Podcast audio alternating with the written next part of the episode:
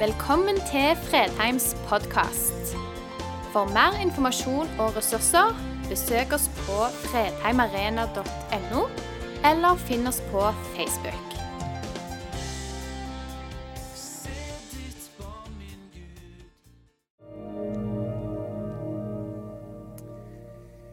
God eh, kveld, alle sammen. Alle som eh, følger med, som er fra Fredheim, og alle andre som, eh, som følger med. Mitt navn er Erlend Seglem, og jeg er gift med Sofie. Og sammen så har vi tre barn, tre gutter. Eh, og jeg kommer fra Finnsland, ei lita bygd 30 minutter eh, nord for Kristiansand. Men så har jeg bodd på Sola de siste de siste elleve årene nå. Og Grunnen til at jeg kom til Sola eh, i Rogaland, det var at eh, meg og eh, Sofie i 2010 så tok vi en DTS, en disippeltreningsskole, med ungdom i oppdrag her på Sola. Og etter den skolen så har jeg blitt værende som stab og jobba på den basen, i hovedsak med den bibelskolen, den disippeltreningsskolen. Og i fjor så, eh, så sto meg og Sofie, kona mi, her på denne scenen. Eh, og, og vi ble bedt inn til å bli baseledere, senterledere i Ungdom i oppdrag Rogaland. Så vi har akkurat begynt i den rollen der, og det er veldig spennende og veldig utfordrende. Eh, men hovedsakelig veldig kjekt. Eh, så det var bitte grann om, om meg. Eh, ungdom i oppdrag det senteret som vi, vi er på nå, det er, det er lokalisert med Solastranda. Det er kurs- og misjonssenteret til Norsk Misjonsselskap, Himmel og hav. Så der har vi fått en utrolig fin plass som vi leier, og kjører ulike bibelskoler, disippeltreningsskoler. Tre til fire kurs i året. Og eh, vi har vært så velsigna og eh, hatt så favør både fra Gud og fra kommuneoverlege og sånne ting, så vi har klart å, å kunne få lov til å kjøre kursene våre så å si eh, som normalt i, i løpet av dette året her. Så det er vi veldig takknemlige for. Så akkurat nå så har vi flere team ute på misjonsreise. Noen i Island og Færøyene, for der er det ikke så mye korona, men noen òg i lokalsamfunnet. Og så har vi en bibelskole pågående der nå med 15 studenter. Så vi har fått disposisjon til å gjøre det. Så det er vi veldig takknemlige for. Så det er faktisk mye liv ute på himmel, og hav, men vi holder oss mest for oss sjøl. Eh, for meg er det en stor glede å være her eh, i dag. Eh, selv om det ikke er så mange i salen, så, så vet jeg at det er mange som sitter og følger med hjemme i, i stua. Og det er kjekt å kunne være sammen, selv om det er på en annen måte i disse tidene her. Jeg er veldig glad i fredagen, både meg og Sofie. Og eh, vi ble medlemmer her for eh, ja, noen få år tilbake og trives veldig godt. Eh, det er virkelig et fredfullt hjem, det, denne kirka her. Det har vært min erfaring. En plass der jeg kan komme, være meg sjøl, føle meg trygg og føle meg hjemme. Mest av alt fordi at jeg kommer og der vi er sammen med Gud, der kan vi alle være hjemme, komme hjem, men òg fordi at det er et veldig fint fellesskap. Eh, Temaet for talen i dag er at, eh, som Bente nevnte, at eh, tro uttales frimodig. Eh, og tanken bak denne temaserien som har vært på Fredheim i vår, er det at tro ser ut som noe. Troen må sette spor og vise seg i praksis. Og i dag er temaet at troen vår at den kan vise seg i vår frimodighet. Men så skal jeg være helt ærlig, så syns jeg av og til ordet frimodighet eh, Til og med for meg som jobber i Ungdom i oppdrag og har det som fulltidstjeneste, eh, og kanskje mange opplever meg som frimodig, men allikevel så har jeg ofte syns det ordet der er litt utfordrende. Det er, fort, eh, det er veldig lett å se noen andre som er mer frimodig enn det jeg er. Eh, og spesielt når det kommer til å vitne og evangelisere, så er det ikke alltid jeg føler meg kjempefrimodig. Eh, ofte så kan jeg tenke at jeg kanskje faller litt til kort i min frimodighet. Og jeg kan òg oppleve at min egen frimodighet kan gå litt som i en berg-og-dal-bane. Det går litt opp og ned etter åssen jeg har det, og hva som skjer i livet. Men hvis du er litt som meg, at du òg, når du hører ordet frimodig, at det kanskje du får både litt gode og litt dårlige assosiasjoner, eh, så ikke, ikke, la oss For det er lett at vi bare går rett inn i en sånn selvfordømmelse og tenker negativt om oss sjøl. Eh, og at man ikke er god nok. Men når jeg skal snakke om frimodighet i dag, så istedenfor at det skal fòre inn under en selvfordømmelse, så la det heller være noe som kan inspirere. Fra akkurat der du er i livet, til å ta et steg i frimodighet. Så la heller talen utfordre deg og inspirere deg enn å, enn å som det av og til gjør med meg òg, eh, bare at man tenker selvkritisk. Så la utfordringa være til å, å ta en eh, Å kunne ikke bare tenke på alle andre og sammenligne seg, men la oss heller møte temaet med tanken om at vi er alle disipler av Jesus. Vi er alle læresveiner eller lærlinger, og vi har alle noe å lære, og vi kan fortsette å vokse. Så i dag utfordrer jeg deg til å prøve å tenke at jeg kan vokse mer i min frimodighet. Da jeg satte meg ned for å liksom tenke litt mer på temaet frimodighet, og, eh, så, så, skjønte jeg etter hvert som jeg tenkte mer på det, at egentlig er ikke dette ordet så farlig som jeg først tenkte, eller så skummelt. For frimodig er egentlig satt sammen av to ord. Og det er to ord som jeg liker veldig godt. Det å være fri og det å være modig. Og frimodig er jo satt sammen av disse ordene. Um, og på en måte så er det nesten som evangeliet ligger i ordet frimodig. I Kristus så har jeg blitt frikjøpt. Jeg er blitt satt fri gjennom hans død og hans oppstandelse. Og derfor, og på grunn av det, kan jeg være modig. Så det er nesten så, så mer jeg tenkte på det og reflekterte på frimodig, så skjønte jeg egentlig liker jeg dette ordet mer og mer. For det en, må være en fantastisk følelse og det å være fri. Og ut ifra min frihet i Kristus så kan jeg finne et mot. Så jo mer jeg tenkte ordet frimodig på den måten, jo mer begeistra ble jeg for denne talen her. jeg kommer til å fokusere litt på en måte på to fokus. Det ene er å være frimodig i møte med Gud. Eh, og så det andre er å være frimodig i møte med våre medmennesker. Så la oss ta det første først. La oss begynne med frimodigheten i møte med Gud. Det står i Hebreerne 10, 19. Brødre, vi har altså i Jesu blod frimodighet til å gå inn i det aller helligste. Hebreerne 10, 19. Brødre, vi har altså i Jesu blod frimodighet til å gå inn i det aller helligste. Eller som sangen går, som er ganske lik. På grunn av Jesu blod har vi nå frimodighet til å gå like inn i det aller helligste sted. Jeg tenker det at det er så fantastisk og viktig å huske at det er på grunn av Jesu blod at vi kan gå inn i det aller helligste sted. Det er på grunn av hans gjerning at vi kan få vårt, vår frihet og vårt mot. Vår frimodighet til å ha ekte fellesskap med Han. Til å gå inn i det aller helligste. Hvis man ser, tenker tilbake på eh, den gamle pakten som vi leser om i, i Det gamle testamentet, hvordan ypperstepresten én gang i året kunne gå inn i det aller helligste. Hvordan det var mange ting og regler og, og eh, ofringer som måtte gjøres. Alt måtte følges til punkt og prikke. Eh, når forhenget gikk forbi, så skulle røkelsen komme opp og dekke nådestolen. Og, og, alt skulle på en måte skje for i det møtet med det skrøpelige mennesket og den hellige Gud.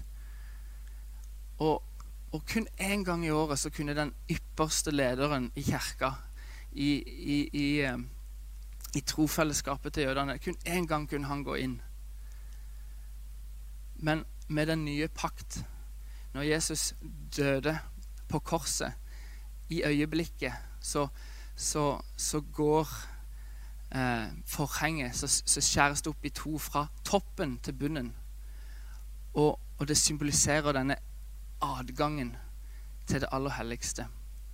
Derfor er det så utrolig sterkt når det står ikke bare kan vi bevege oss forsiktig inn i det aller helligste, sånn som ypperstepresten gjorde, men nei, helt motsatt.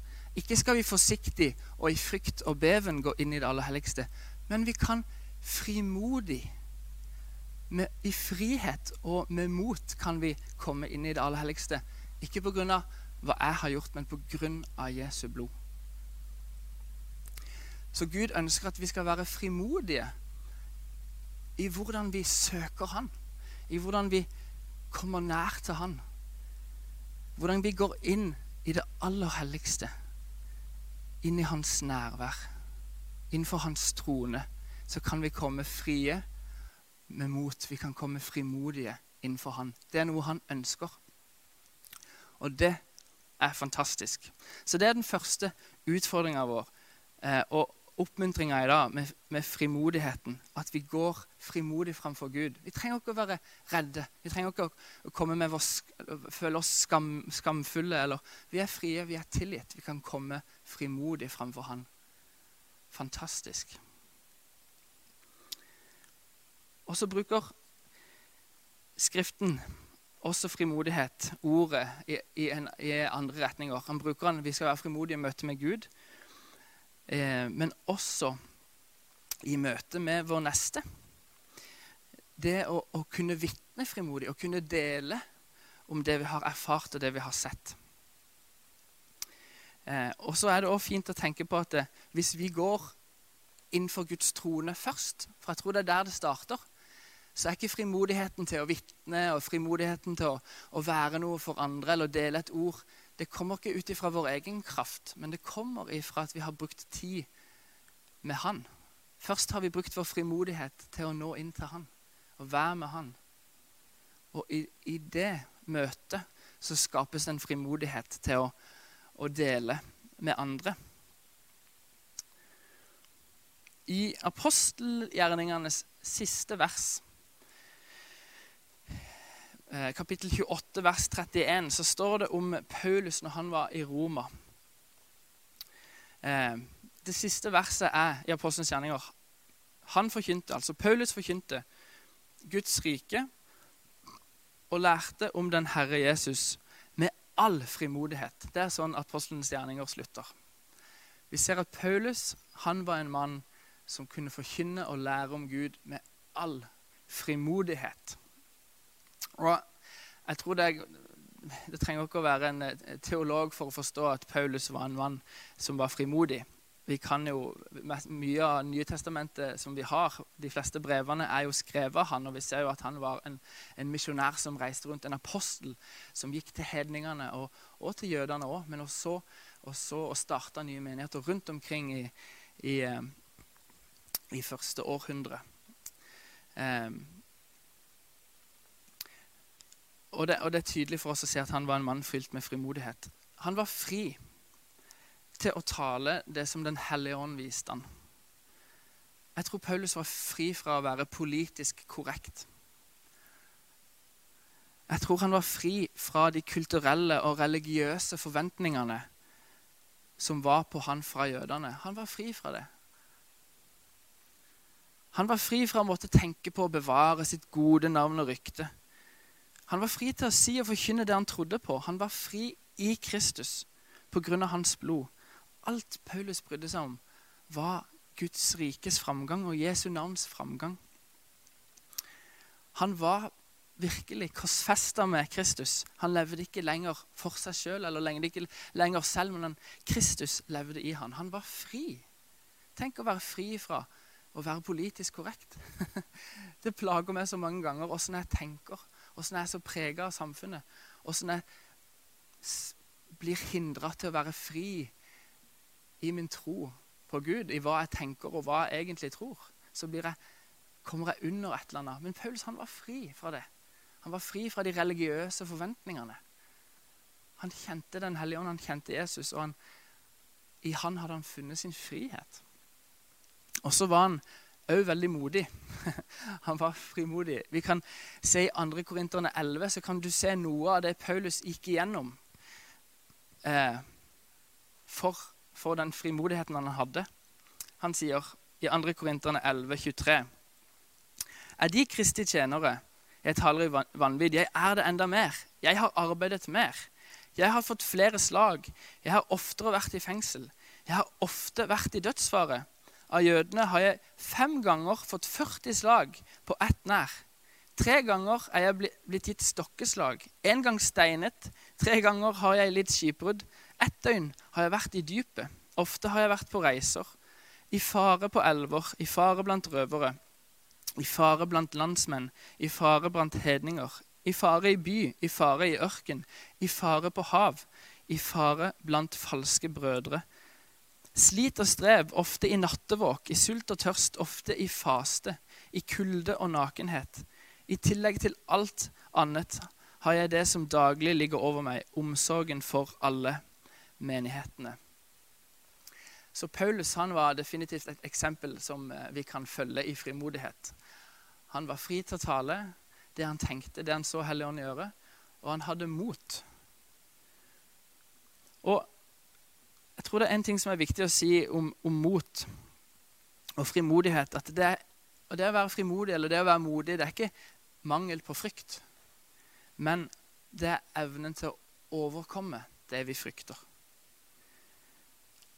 Så, så ofte tror jeg hvis vi skal, hvis vi skal um, gjøre som Paulus og benytte oss av vår fri, frimodighet, så er det ofte en eller annen ting vi frykter en eller annen ting vi er redd for, en eller annen ting som er utenfor vår komfortsone, som vi må ta det første steget og oppleve at når vi gjør det, så er Gud trofast. Når vi utøver vår frimodighet. For i Breane 10.35 så står det Kast ikke bort deres frimodighet, for den har stor lønn.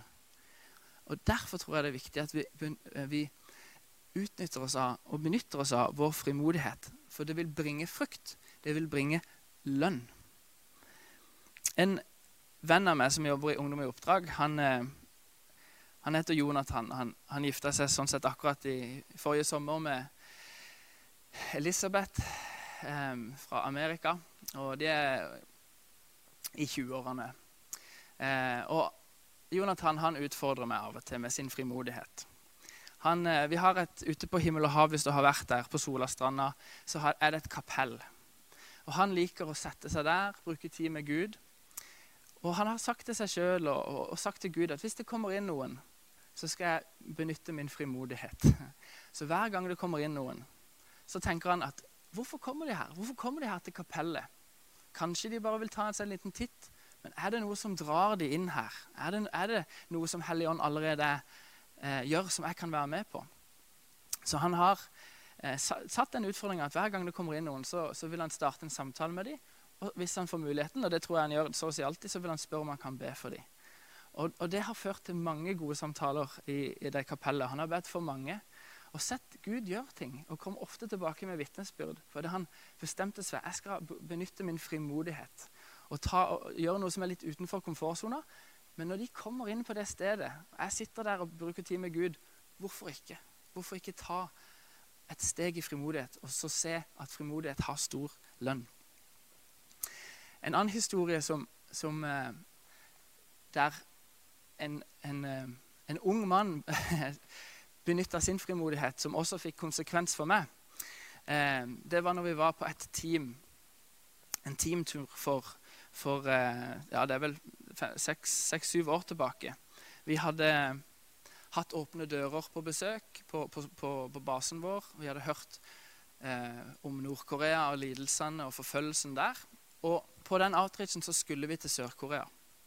Så når vi var i Sør-Korea, så, så, så, bestemte vi oss Eller før vi dro, bestemte vi oss for at la oss, la oss ta og dra opp til grensa så langt vi kan komme. Helt opp til, helt opp til der vi ikke kan komme lenger eh, i Sør-Korea. Så langt nord vi kan. Og La oss ta en dag der vi bare ber og faster for Nord-Korea og for Sør-Korea og for Korea. Eh, så vi gjorde det.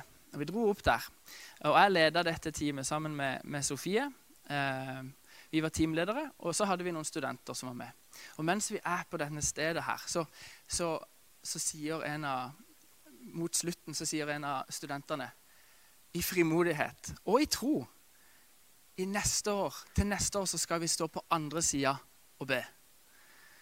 Eh, det var, og meg og Sofie som leder teamet, vi hadde ikke den samme frimodigheten eller troa. Og vi tenkte med oss at det, trodde egentlig vi var umulig. På det tidspunktet visste vi veldig lite om Nord-Korea.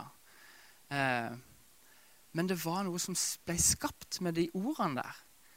De enkle ordene som en jeg tror kanskje han var 21-åring talte ut neste år på andre sida. Så vi, vi, la det i hvert fall på hjertet, eller som Maria grunna på det. Men vi tenkte vel med oss at det, det tror, hadde vi ikke helt troa på. Eh, men vi fortsetter videre på, på teamturen vår. Og et av teamene, eller eh, når vi drar videre til Thailand, så møter vi et annet ungdom i oppdrag-team. Og de forteller om at de kjenner noen som har vært i Nord-Korea på teamtur. Så vi blir veldig interessert. Ok, Så det er kanskje mulig.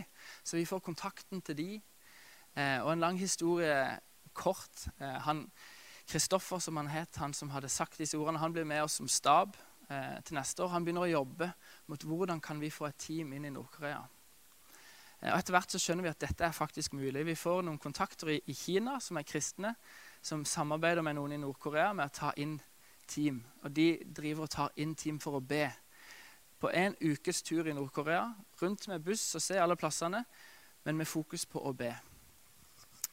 Så akkurat ett år senere så er det på tide å dra på outreach igjen. Meg og Sofie og denne unge mannen er nå i, i Beijing i Kina, og vi venter på å ta flyet over til Pyongyang i Nord-Korea.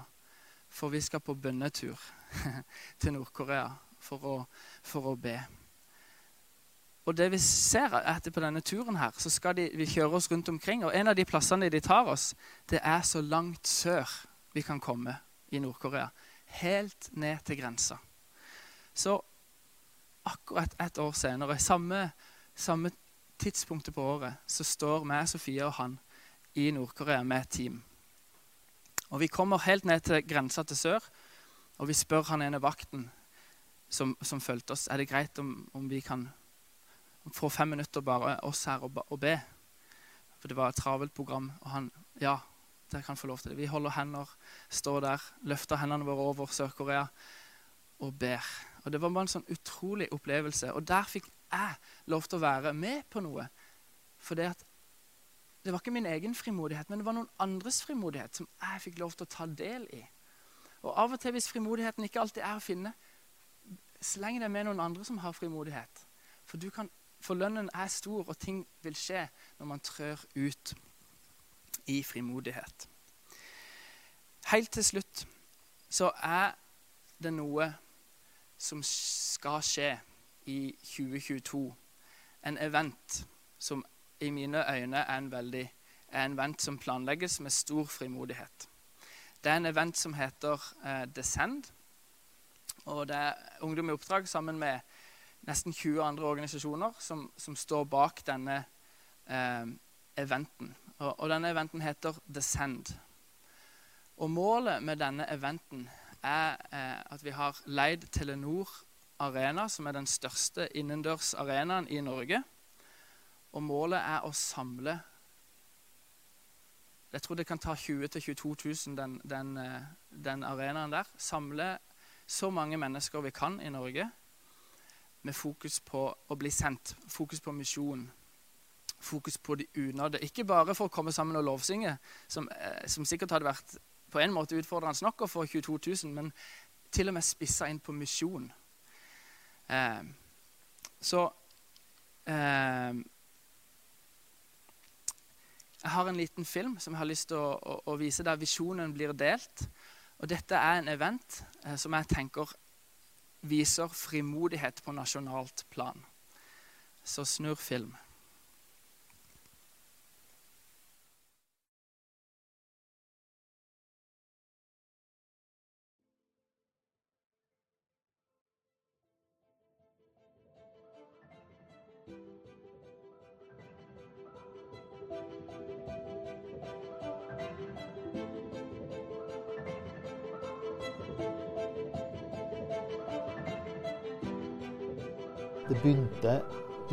Begynnelsen av koronatida, og ingen visste hva som kom til å skje. Så ble jeg tilsendt noen opptak fra en konferanse i Danmark som Ungdom i oppdrag arrangerte i 1985.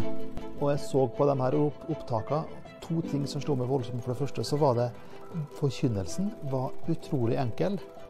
Det andre som slo meg, var at det var veldig masse mennesker der. Det vokste fram en begeistring av at ja, nå, nå, må vi samle mange mennesker i Norge for å formidle det her kallet til misjon, kallet til dem som aldri har hørt evangeliet før. Så jeg tok rett og slett og sendte en e-post til, til, dem i USA som driver Descend, og så spurte hva må til for å eh, kjøre Descend i Norge. Så går det egentlig bare en dag eller to til, og så sier de ja, vi er klar, vi har bedt til Gud, vi tror det her er fra Herren. Så vi, eh, vi kjører på.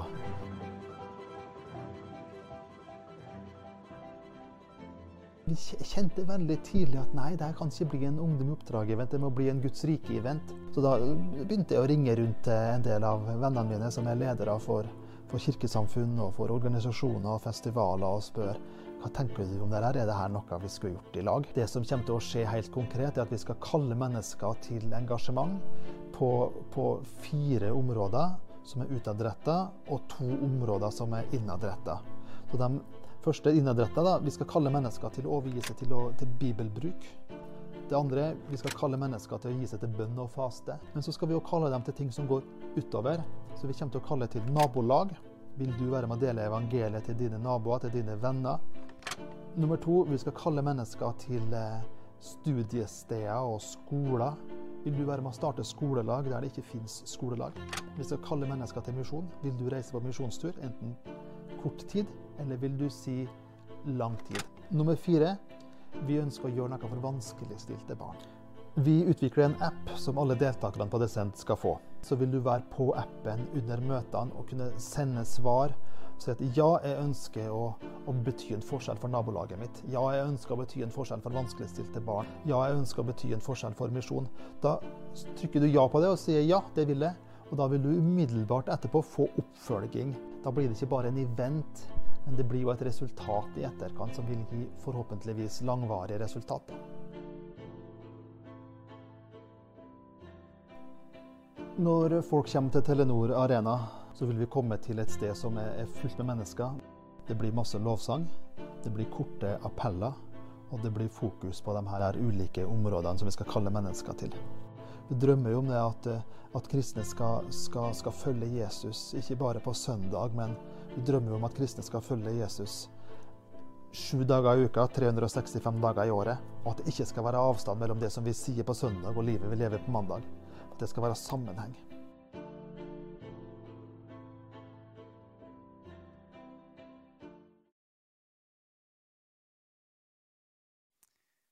Jeg tror det er veldig riktig at frimodighet har stor lønn. Og som jeg erfarte, så ikke, hvis ikke frimodigheten er alltid til stede, så kan man slenge seg med på noen andres.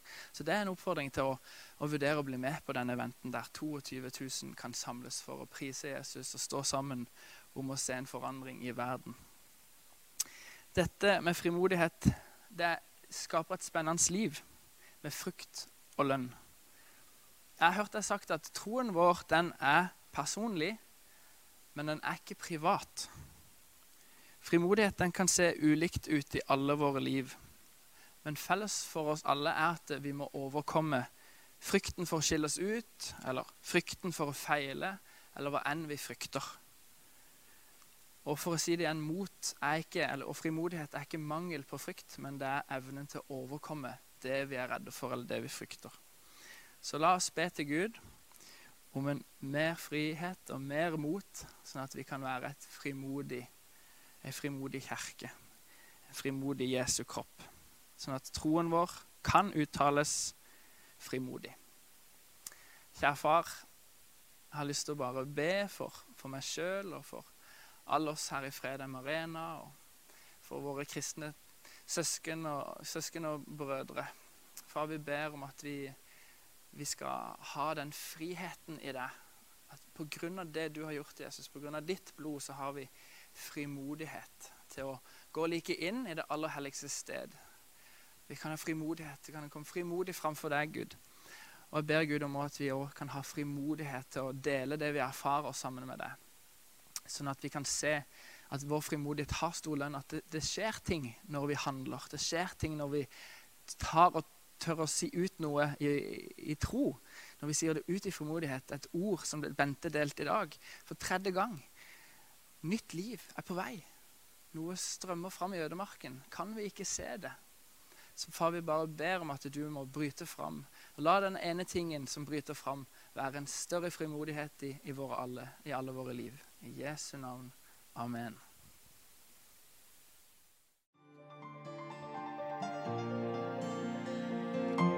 Takk for at du valgte å høre på.